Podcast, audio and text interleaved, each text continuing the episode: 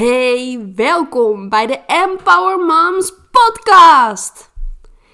Ik dacht, ik ga een podcast opnemen over ervaringen uit de verloskamer. En ik ben eigenlijk geïnspireerd geraakt doordat ik wat oude blogs van mezelf tegenkwam. Ik heb een aantal jaar geleden, in 2019, was ik gastblogger van Buskruid met muisjes. En misschien ken je het wel, dat is van het bekende boek Buskruid met muisjes.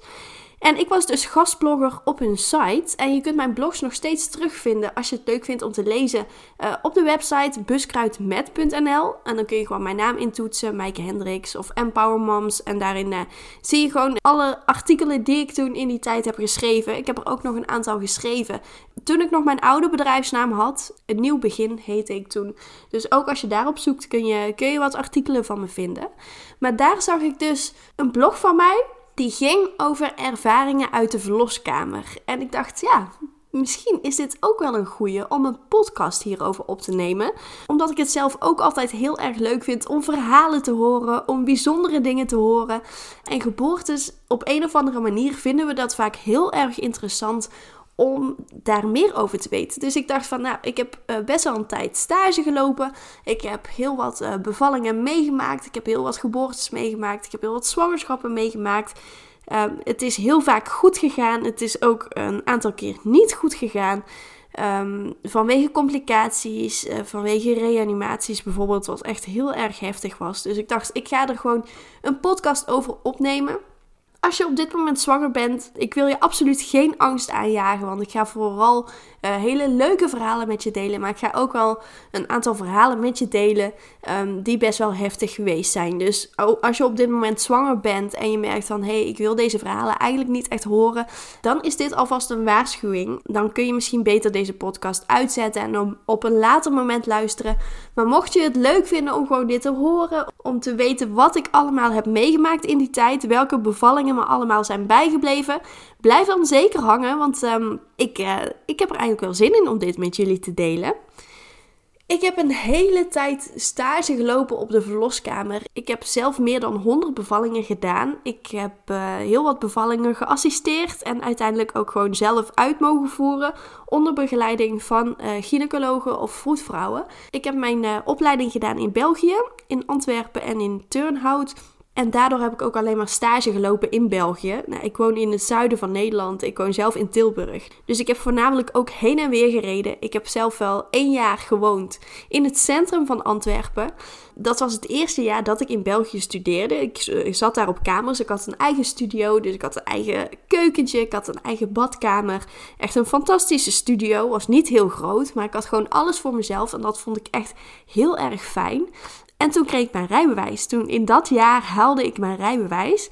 En toen besloot ik van, nou, ik ga gewoon op en neer rijden. Want ik voel me niet helemaal thuis in België. Merkte dat ik het thuis ontzettend miste. Dus heb ik mijn kamer opgezegd en ben ik weer verhuisd terug naar Tilburg. Weer bij mijn ouders ingetrokken. En uh, na een jaar zelf op kamers te hebben gezeten, na een jaar zelfstandig te zijn, was dat wel weer even wennen.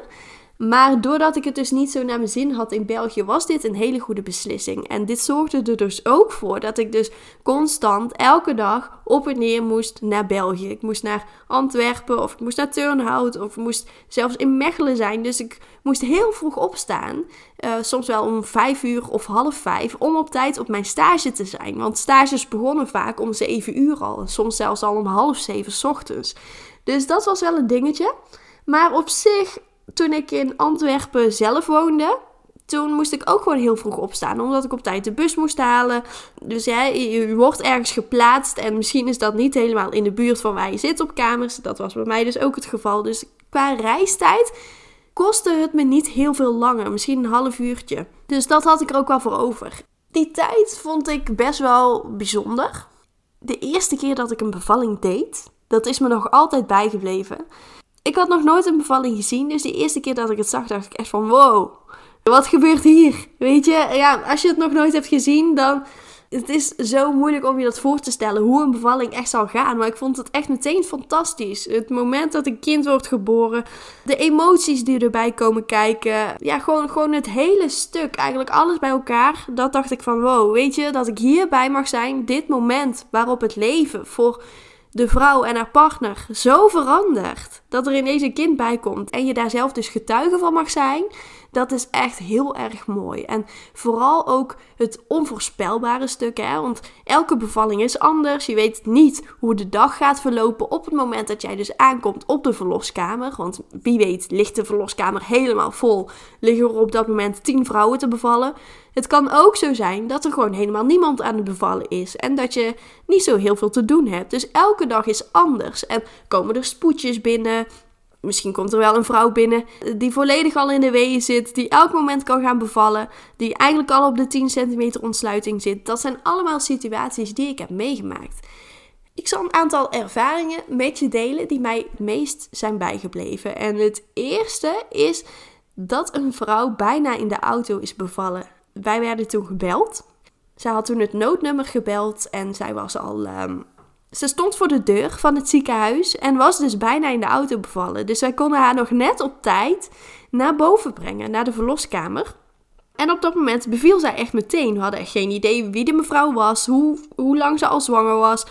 Uh, of er bepaalde bijzonderheden waren bijvoorbeeld. Dus dit, dit was best wel spannend. Van oh jeetje, als ze mij niet op de gang gaat bevallen bijvoorbeeld. Hè? Dus het was echt racen en uh, we hebben het gehaald. En het is uiteindelijk een hele mooie bevalling geworden. Maar dit geeft dan best wel veel adrenaline, weet je wel. Oh, je wordt gebeld, iemand is echt eigenlijk al aan het bevallen. Je wilt ze zo snel mogelijk naar de verloskamer brengen, omdat daar alles klaar staat. Dus dat is wel uh, iets wat me ook is bijgebleven. Wat me ook is bijgebleven is een, uh, een vrouw en haar partner die jarenlang bezig waren om een kind te krijgen. Zij zaten in een uh, fertiliteitstraject en waren echt al meer dan tien jaar bezig en het lukte telkens niet. En ze wisten niet waar het aan lag. En telkens kregen ze te horen, ja, we kunnen niks vinden. De eileiders zijn gewoon toegankelijk. De zaadcellen zijn prima in orde. Maar waarom het niet lukt, dat wisten ze niet. En uh, ze hadden van alles geprobeerd. Um, na tien jaar was ze dan eindelijk zwanger. Dat was zo'n cadeautje. Dus je kunt je voorstellen op het moment dat die baby dan uiteindelijk echt werd geboren. Na tien jaar wachten op een kind. Na tien jaar hiervan te hebben gedroomd. Die emoties waren zo overweldigend. Dat kun je je niet voorstellen. En op dat moment kun je ja, kun je het eigenlijk als zorgverlener kun je het ook niet echt droog houden. Omdat je zo blij bent voor die mensen. Omdat je zo meeleeft met ze. Omdat je ze het zo gunt om deze baby te krijgen. Ja, je gunt het iedereen natuurlijk, hè. Om een, om een mooie, gezonde baby te krijgen. Maar echt deze mensen die al zo lang hiermee bezig waren. Die hier zo lang naar hebben uitgekeken. Ja, dat, dat is fantastisch. En um, dat hoop je gewoon dat iedereen zo'n mooie ervaring heeft, zeg maar, op het moment dat, dat je kind wordt geboren, dat hij er zo blij mee is. Heel vaak is dat natuurlijk wel het geval, maar het kan ook zo zijn dat dat niet het geval is. Ik heb ook een, een moeder begeleid die een bewust alleenstaande moeder was. Zij wilde niet wachten uh, totdat zij een partner tegenkwam om een kind mee te krijgen. Maar zij uh, wilde het heft in eigen hand nemen, had een uh, zaaddonor gevonden en is zwanger geworden met hulp van die zaaddonor heeft er dus bewust voor gekozen om een alleenstaande moeder te zijn. En dat is natuurlijk ook fantastisch, weet je wel. Dat dit zo bewust wordt gedaan. Dat mensen hier zo bewust voor kiezen. En ik kan daar alleen maar respect voor hebben. Omdat ik mezelf inmiddels ook besef hoe zwaar het kan zijn om alles in je eentje te moeten doen. Ik heb dit zelf ook ervaren toen mijn partner uh, heel vaak weg was in het buitenland voor zijn werk. Maar dat was de helft van de tijd. Maar als je je bewust voor kiest om alles alleen te doen, dat is een hele dappere beslissing. En, um, en ook heel mooi. Dus dat is ook iets wat, wat me zeker is bijgebleven. En waar ik nog regelmatig aan denk. Van hoe zou het met die moeder gaan? Hoe zou ze het ervaren? Ik denk sowieso nog wel eens regelmatig terug aan de mensen die ik heb begeleid. En natuurlijk weet ik niet alle bevallingen meer, hoe ze allemaal zijn gegaan. Kan ik me niet meer iedereen herinneren. Ik heb vijf jaar verloskunde gestudeerd. Ik heb in die tijd heel veel stage gelopen. Ik heb uh, van alles meegemaakt. Dus het is ook heel logisch dat ik gewoon ook heel veel niet meer weet. Maar de dingen die ik nog wel weet, ja, soms denk ik er wel eens aan van, nou, hoe zou het met diegene zijn? Of um, ja, of dan denk ik van, oh, hoe oud zou dat kind nou zijn, bijvoorbeeld, hè? Ik heb ook iemand begeleid waarvan de partner was overleden. Ehm, dat was ook een heel bijzonder verhaal, want zij en haar partner wilden heel graag kinderen. En dat lukte niet, dus zijn ze ook een fertiliteitstraject gestart. En er lagen dus nog een aantal embryo's in de vriezer in het ziekenhuis. En haar partner had toen aangegeven op het moment dat ik ben overleden, want hij wist dat hij niet heel lang meer te leven had, mogen die embryo's gebruikt worden. En dat is wel een belangrijke, want je kunt eigenlijk niet zomaar embryo's gebruiken als jij niet hebt aangegeven als partner dat die nog gebruikt mogen worden na je overlijden. Dus dat is heel belangrijk om aan te denken. En deze partner had dat dus gedaan. Die had dat aangegeven van hey, dit mag gebeuren als mijn, uh, als mijn vrouw een kind wil. Met behulp van die embryo's die al ingevroren zijn, dan kan dat. En zij werd dus zwanger van haar overleden partner. Wat echt zo bijzonder was. Dus je kunt je ook voorstellen dat ehm, op het moment dat die baby werd geboren, dat al die emoties eruit kwamen. Dat dat zo overweldigend was, doordat ze dus ook bepaalde kenmerken van die partner in haar baby zag. Want de helft van die baby is van haar partner natuurlijk, die zij niet meer om zich heen heeft. Dus bijvoorbeeld het neusje of de ogen, dat die precies op die partner leken. Dus dat was zo overweldigend. Dat waren zoveel emoties die op dat moment vrijkwamen. De blijdschap dat die baby was geboren, maar ook het verdriet om haar overleden partner. Om die herkenning ervan in haar kind. Dus dat is ook zeker iets wat ik nooit meer vergeet. Dus ik ben ook wel heel benieuwd hoe het met die vrouw gaat eigenlijk. Ja, een beetje jammer dat ik uh, dat nooit te horen krijg. ja, op, op het moment dat ze het ziekenhuis verlaten, dan is het gewoon, uh, ja, is het contact gewoon klaar. Nou ja, dat, dat, dat is ook een stukje loslaten inderdaad. Uh, wat, wat erbij hoort. Een andere bevalling die ook heel bijzonder was, was een bevalling waarvan uh, de partner in het buitenland zat. En die partner die moest vlak voor de bevalling, moest die terug naar Afrika, want hij woonde in Afrika. En die vrouw die lag daar dus in haar eentje te bevallen. En die partner wilde daar eigenlijk wel heel graag bij zijn. Maar de vergunning om in België te mogen zijn, die was verlopen. Dus hij moest dus weer terug hij kon er alleen maar via videobellen bij zijn. Dus dat was echt een bevalling met continu de telefoon in de aanslag, zodat die partner toch via um, de telefoonverbinding, dus via een videoverbinding, kon zien hoe zijn kind werd geboren. Nou, dat is ook natuurlijk ontzettend bijzonder om mee te maken. Want als partner wil je je vrouw natuurlijk ontzettend goed ondersteunen. En je voelt je dan zo ontzettend machteloos. Sowieso eigenlijk al heel vaak tijdens een bevalling. Maar helemaal als je aan de andere kant van de wereld zit. En alleen via een videoverbinding je, je vrouw kunt toespreken. Dus dat was ook iets uh, wat heel bijzonder was.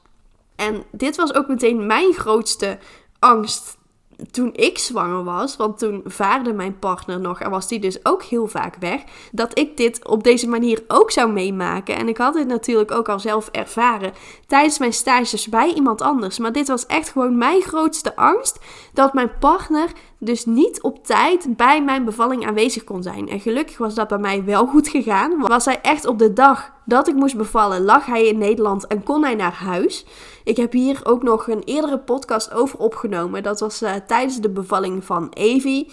Dus mocht je het leuk vinden om die podcast uh, te horen, dan scroll dan even terug in de podcast um, naar mijn geboorteverhaal, de geboorte van Evie. Daarin bespreek ik dit veel uitgebreider hoe ik dat zelf heb ervaren. Een andere bevalling die ik ook niet meer vergeet is een hele snelle bevalling. Een snelle bevalling wordt in vakjargon, in vaktaal, eigenlijk een stortbevalling genoemd. Dus het, kind stort er als het ware uit. Die vrouw kwam net binnen. Het ging echt heel snel, ze had heel veel pijn. Uh, we wilden haar eigenlijk gaan toucheren om te kijken van... hey, hoeveel ontsluiting heb je? En op dat moment zagen we het hoofdje al geboren worden. Dus hè, de vroedvrouw waar ik op dat moment uh, mee samenwerkte, die riep ook naar mij: pak snel handschoenen, de baby komt eraan. En ik snel die handschoenen gepakt, maar dat was eigenlijk ook al te laat. En die baby was al geboren op het moment dat ik dus daar, uh, daar kwam. Want het ging echt bizar snel. Echt binnen één minuut was die baby gewoon geboren. Het was ook trouwens niet het eerste kind, want bij het eerste kind gebeurt het niet heel vaak. volgens mij was het het vierde kind of zo. Dus hoe meer kinderen je hebt, hoe sneller de bevallingen meestal ook gaan. Niet altijd, maar wel heel vaak.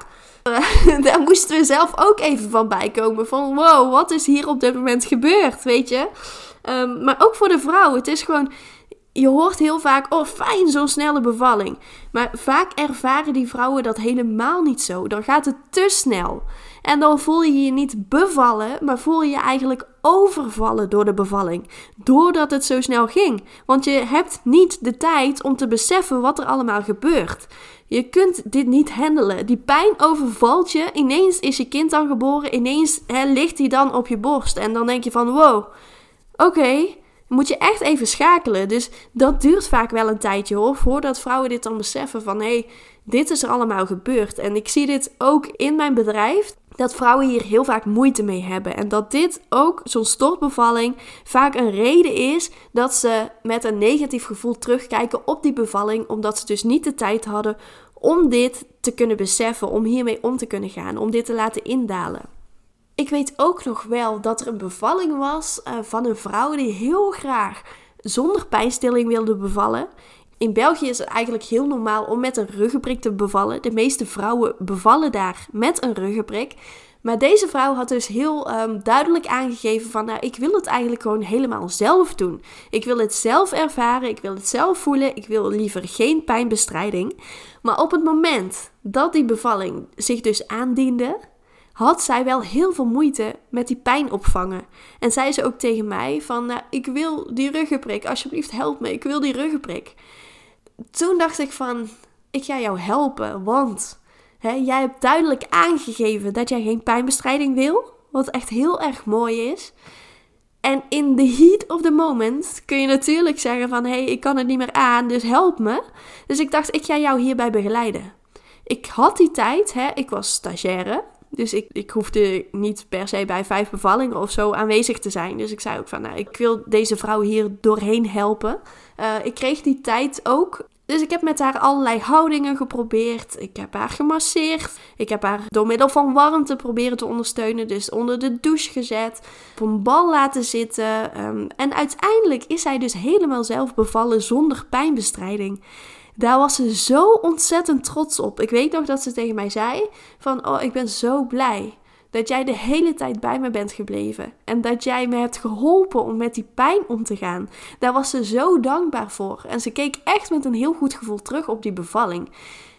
Dus dat was ook zo'n mooi moment. Ik dacht van ja, weet je, jij hebt het aangegeven dat je het zelf wil doen. En ik snap het helemaal dat jij op dat moment pijnbestrijding wilt als jij vol in die weeën zit, ik snap het. En natuurlijk kan dat altijd.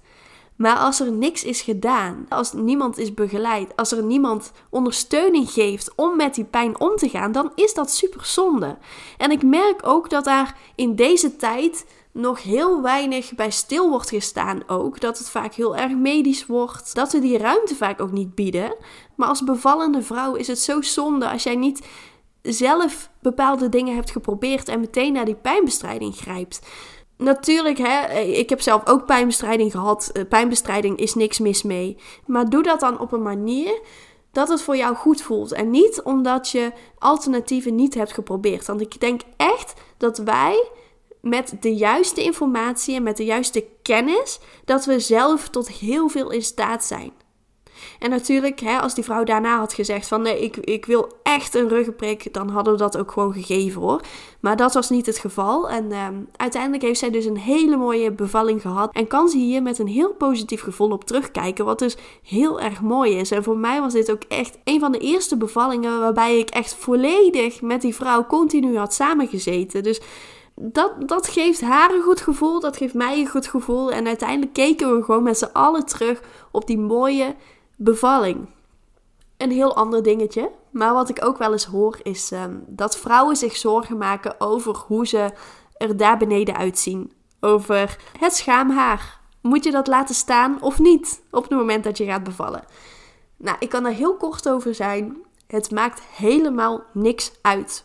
Wij als zorgverleners letten daar helemaal niet op. Dus maak je daar ook vooral geen zorgen over. Hè? Of je nou alles hebt weggeschoren, of je een streepje hebt, of dat je een hele volle bos hebt. Het boeit helemaal niemand. Dus doe vooral uh, waar jij je goed bij voelt. Wat ik wel heb meegemaakt, en dat is dan wel weer een bijzonder iets, wat ik nog wel herinner, is dat er één vrouw was, dat is eigenlijk wel heel grappig. Maar die had dus op haar uh, schaambeen had ze een pijl naar beneden getatoeëerd met de tekst Touch this. Met een naam erbij ook echt getatoeëerd. Ik uh, ga die naam niet noemen vanwege privacy redenen. Maar ik herinner me het nog heel duidelijk. En ik moest daar, ja, weet je, dat, dat zijn gewoon van die grappige momenten. Dat het beroep ook gewoon heel leuk maakt. Dit zijn echt van die lachmomentjes. Hè, het is met humor erop gezet. En uh, je kunt er inderdaad ook heel erg om lachen als je dat ziet. Dus dat maakt het ook gewoon heel grappig. En dat maakt het ook gewoon meteen heel luchtig, weet je wel. Ineens kun je alles bespreekbaar maken. Dus dat is ook gewoon heel grappig om, uh, om te zien. En natuurlijk zijn er ook een aantal uh, geboortes die me zijn bijgebleven die niet heel erg vlot verliepen. Of die gepaard gingen met heel veel complicaties. Ik heb ook wel eens een reanimatie van een baby gehad. Die baby zat vast met de schouder. En um, de dokter kreeg het niet voor elkaar om die baby eruit te krijgen. En er ging best wel wat tijd overheen. En op dat moment waren we allemaal in de stress. En er werd natuurlijk van alles geprobeerd. En die vrouw werd ondersteund. En met heel veel moeite is die baby uiteindelijk eruit gekomen. Helemaal slap, helemaal wit, ademde niet, geen hartslag. Dus die baby werd meteen meegenomen, um, is gereanimeerd. Best wel een hele tijd uh, gereanimeerd. Maar uiteindelijk hebben wij die baby weten te redden, gelukkig.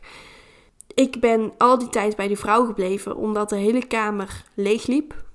Omdat alle dokters, alle verpleegkundigen meeliepen met de baby om die baby te redden. Ik denk van ja, ik, je kan het niet maken om die vrouw daar heel onwetend in er eentje te laten liggen. Dus ik ben al die tijd bij die vrouw gebleven.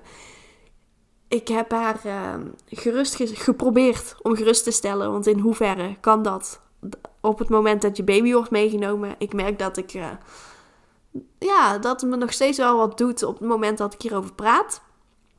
Um, het was heel heftig ik, als zorgverlener kun je op dat moment je tranen niet laten zien. Je moet sterk zijn. Je probeert die vrouw er zo goed mogelijk doorheen te slepen. En haar partner natuurlijk ook. Maar het doet je gewoon heel veel. En natuurlijk, hè, die, eh, je hoopt dat een baby gezond geboren wordt. Dat alles goed gaat. En op het moment dat het niet zo is, ja, dan moet je schakelen. En dan moet je ervoor zorgen dat jij er zo goed mogelijk kunt zijn voor de vrouw en haar partner. En daar dacht ik van, ja, op dit moment is dat mijn taak. Die emoties komen later wel. En, en na een hele tijd, volgens mij ging daar wel 20 of 30 minuten overheen. Maar ging het weer goed met de baby? Werd natuurlijk ook meteen meegenomen naar de neonatale intensive care. Om daar goed in de gaten te worden gehouden. Dus die vrouw kon ook eigenlijk haar baby niet zien. Alleen even snel toen die werd meegenomen. Maar later hebben wij hier wel met z'n allen als zorgverleners over gepraat. En dat is ook heel erg belangrijk. En je moet hier gewoon ook over praten, want anders gaat het niet goed. Dit soort momenten, dat hoop je gewoon liever niet mee te maken. En als het dan gebeurt, dan moet je het er gewoon met z'n allen over hebben. Want anders gaat het echt, dan neem je het mee naar huis. En natuurlijk, hè, de eerste keer dat ik dit meemaakte, nam ik het ook mee naar huis. En ik kwam thuis. Ik barstte daar in huilen uit. Het was zo'n emotionele dag. En ik ben op tijd naar bed gegaan. Ik denk van, oh, ik trek het gewoon even niet meer. En als ik dat als zorgverlener zeg maar al heb, hoe moet het dan helemaal voor die vrouw zijn? Snap je? Dus dit was wel iets wat, wat gewoon altijd in je systeem blijft zitten ook. En dat je ook meeneemt. En je gaat alles herhalen van hè, wat is er gebeurd? Hoe hadden we dit kunnen voorkomen? Maar we hadden dit niet kunnen voorkomen. We hebben alles gedaan wat in onze macht lag. En we hebben er alles aan gedaan om ervoor te zorgen dat deze bevalling toch zo goed mogelijk verliep. En de ondersteuning en de communicatie en de informatie, dat die ook zo goed mogelijk verliep. Dus onszelf kunnen we zeker niks kwalijk nemen. Ja, een, een reanimatie doet je natuurlijk gewoon heel veel. Gelukkig komt dat niet heel vaak voor. Dat zijn echte uitzonderingen. En wat ook niet vaak voorkomt, maar wat ook veel impact maakt, is een doodgeboorte. Ik heb dit volgens mij twee of drie keer meegemaakt dat er een baby geboren moest worden die al overleden was in de buik. En dat kon dus verschillen van jonge baby's, zeg maar, die nog niet rijp waren om te overleven. Dus rond de 20 weken bijvoorbeeld. Maar het waren ook al meer volgroeide baby's, dus rond de 38 weken, die dan geboren moesten worden. En dat is gewoon heel erg heftig. Om dan te moeten bevallen van een dood kindje dat is bijna niet te doen voor, voor die vrouw, ook qua emoties. En op het moment dat het kind dan wordt geboren, wij doen er natuurlijk alles aan om die herinnering zo mooi mogelijk te maken. Dus vaak wordt er ook een fotograaf ingeschakeld die uh, foto's maakt van het kindje. Er worden voetafdrukken gemaakt, er worden handafdrukjes gemaakt. Het kindje wordt ook wel bij de ouders op de kamer gezet, zodat ze toch de tijd krijgen om even met het gezinnetje samen te zijn. Ook al is de baby overleden. Dus dat is wel enorm belangrijk dat er wel gewoon aandacht hiervoor is. En dat je dus ook hier goede ondersteuning bij krijgt. En ik ben bijvoorbeeld ook, want omdat ik stage liep en ook gewoon reageerde op belletjes. Dus ik bijvoorbeeld op de kraamafdeling heb ik stage gelopen. Dus vrouwen bellen dan bijvoorbeeld als ze iets nodig hebben of als er iets is. En ik weet nog wel dat ik een kamer inliep en ik was daar niet over geïnformeerd. Ik vroeg daar zo, jullie hebben gebeld, wat kan ik voor jullie doen? En die vrouw was zo hard aan het huilen en dat ik gewoon niet wist waarom. En toen bleek dat haar kind ook overleden was. En toen dacht ik van, oh, waarom is dit mij als stagiaire niet verteld? Want dan had ik hier heel anders op in kunnen gaan. Dan had ik heel anders die kamer binnen kunnen lopen. Maar goed, dat, uh, zo zijn er wel meer dingen tijdens mijn stages die gewoon heel raar verliepen. Waardoor ik ook niet altijd uh, heel fijn stage heb gelopen. Maar goed, dat is een ander verhaal. Daar kan ik ook nog een hele podcast over opnemen. ik weet niet of ik dat ga doen, maar... Um, ja, weet je, je maakt gewoon heel veel mee. Maar die doodgeboortes, dat, dat blijft gewoon heel erg heftig. En ik heb ook altijd die kindjes gezien. Dus op het moment dat ze nog niet zo heel oud zijn, hebben ze vaak ook een doorzichtig huidje, hebben ze vaak een roodachtig huidje. Als je je niet op voorbereid bent, dan kan dat heel erg heftig zijn. Ik kon dat wel aan. Hè. Ik had dat geleerd tijdens mijn opleiding, hoe dat er allemaal uitzag, ehm, hoe een baby zich ontwikkelt en wat er allemaal uh, kan gebeuren op het moment dat een baby te vroeg wordt geboren, bijvoorbeeld. Maar om dat dan in het echt te zien, dat is ook gewoon heel erg heftig. Dat zijn gewoon een paar dingen die qua intensiteit gewoon heel erg heftig waren. Maar natuurlijk is het grootste deel gewoon wel heel leuk en wel heel fijn. En is het gewoon heel veel uh, blijdschap hè, op het moment dat een kind wordt geboren. En als verloskundige in opleiding in het ziekenhuis mocht ik ook heel vaak bij keizersnedes zijn. Dus ik heb ook heel veel keizersnedes gezien. Ik heb ook wel eens, toen ik uh, stage liep op de afdeling gynaecologie, heb ik zelfs geassisteerd bij een keizersnede. Dus stond ik echt aan de operatietafel mocht ik echt assisteren met uh, bijvoorbeeld uh, de blaas, zeg maar, um, naar beneden duwen, zodat hij niet in de weg zat bij de baarmoeder als ze daarin gingen snijden. Nou, dat was echt zo fantastisch om daar zo aan die operatietafel daar zo echt mee te maken. Echt beter zicht had je niet. Dus je had ook echt super mooi zicht op uh, hoe die baby dan uit de baarmoeder uh, werd gehaald en wat er precies allemaal werd gedaan. Dus dit is ook echt iets wat ik uh, mijn leven lang blijf herinneren. Dat zijn een aantal ervaringen. Ik zie dat deze podcast best wel lang is geworden. Maar het zijn ook zoveel ervaringen die ik met jullie wil delen. En ik wil deze podcast gewoon eigenlijk heel positief afsluiten. Want verloskunde is natuurlijk een super mooi vak. Dat vind ik nog steeds. En ik ben ook elke keer nog steeds heel blij dat ik die studie heb gedaan. Ook al werk ik niet als verloskundige. En zou ik ook niet meer willen werken als verloskundige. Want ik zie het meer als een hobby. Ik vind het leuk. Hè? Ik vind het mooi om bevallingen te zien. Ik vind het mooi om bevallingen te doen. Maar ook die onregelmatige werktijden, alles wat daarbij komt kijken, al die heftige dingen, het doet wel wat met je. En ik ben eigenlijk meer geïnteresseerd in hoe werkt dat dan mentaal? Hoe kan het dat een vrouw die bijvoorbeeld een hele fijne bevalling volgens het boekje heeft gehad, daar toch met een negatief gevoel op terugkijkt bijvoorbeeld. Of een vrouw die een bevalling had met heel veel complicaties, dat die uh, daar met een positief gevoel op terugkijkt. Waar ligt dat aan? Hoe kunnen we ervoor zorgen dat iemand op een zo fijn mogelijke manier, op een zo positief mogelijke manier terugkijkt op haar bevalling? Hoe kunnen we vrouwen en haar partner ondersteunen op het moment dat zij bijvoorbeeld een nare ervaring hebben gehad? Hoe kunnen we dat omzetten naar iets positiefs, zodat ze er wel met een goed gevoel op terugkijken? Dus daar richt ik me nu vooral op. En hoe kunnen we het stukje moederschap zo ontspannen mogelijk maken? Dus dat is waar ik me op richt. Echt die verwerking van je nare zwangerschap, van je nare bevalling, omzetten naar iets positiefs. En de begeleiding naar ontspannen moederschap. En ontspannen moederschap, dat kan alleen als jij dus dat stukje zwangerschap en dat stukje bevalling hebt verwerkt. Op het moment dat daar nog iets zit, wat jou triggert bijvoorbeeld, of op het moment dat jij uh, ergens met een negatief gevoel op terugkijkt, of dat het gewoon heel veel emoties oproept, dan is het heel erg lastig om een ontspannen moeder te kunnen zijn. Want dat blijft altijd in de weg zitten. En dan kun jij nog zoveel tips gaan toepassen. Maar op het moment dat jij dat niet hebt verwerkt, dan gaat dat niet lukken. Je zult het eerst moeten verwerken om vervolgens tot dat stukje ontspannen moederschap te komen.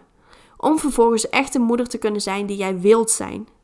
Wil jij hier hulp bij? Wil jij hier bijvoorbeeld een keer over praten met mij? Uh, je kunt een gratis Empower Call inplannen via mijn website.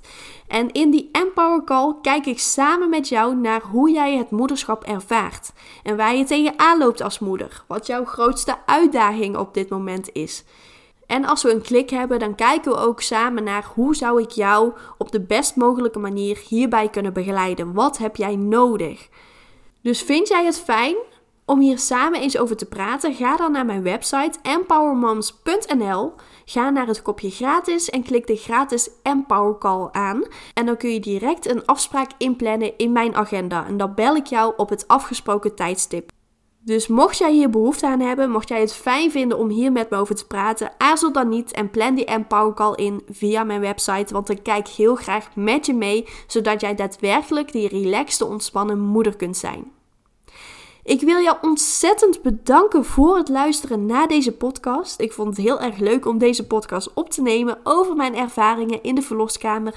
Ik hoop dat jij het ook leuk vond om hier naar te luisteren. Volgende week is er weer een nieuwe podcast. Tot dan. Tot de volgende keer.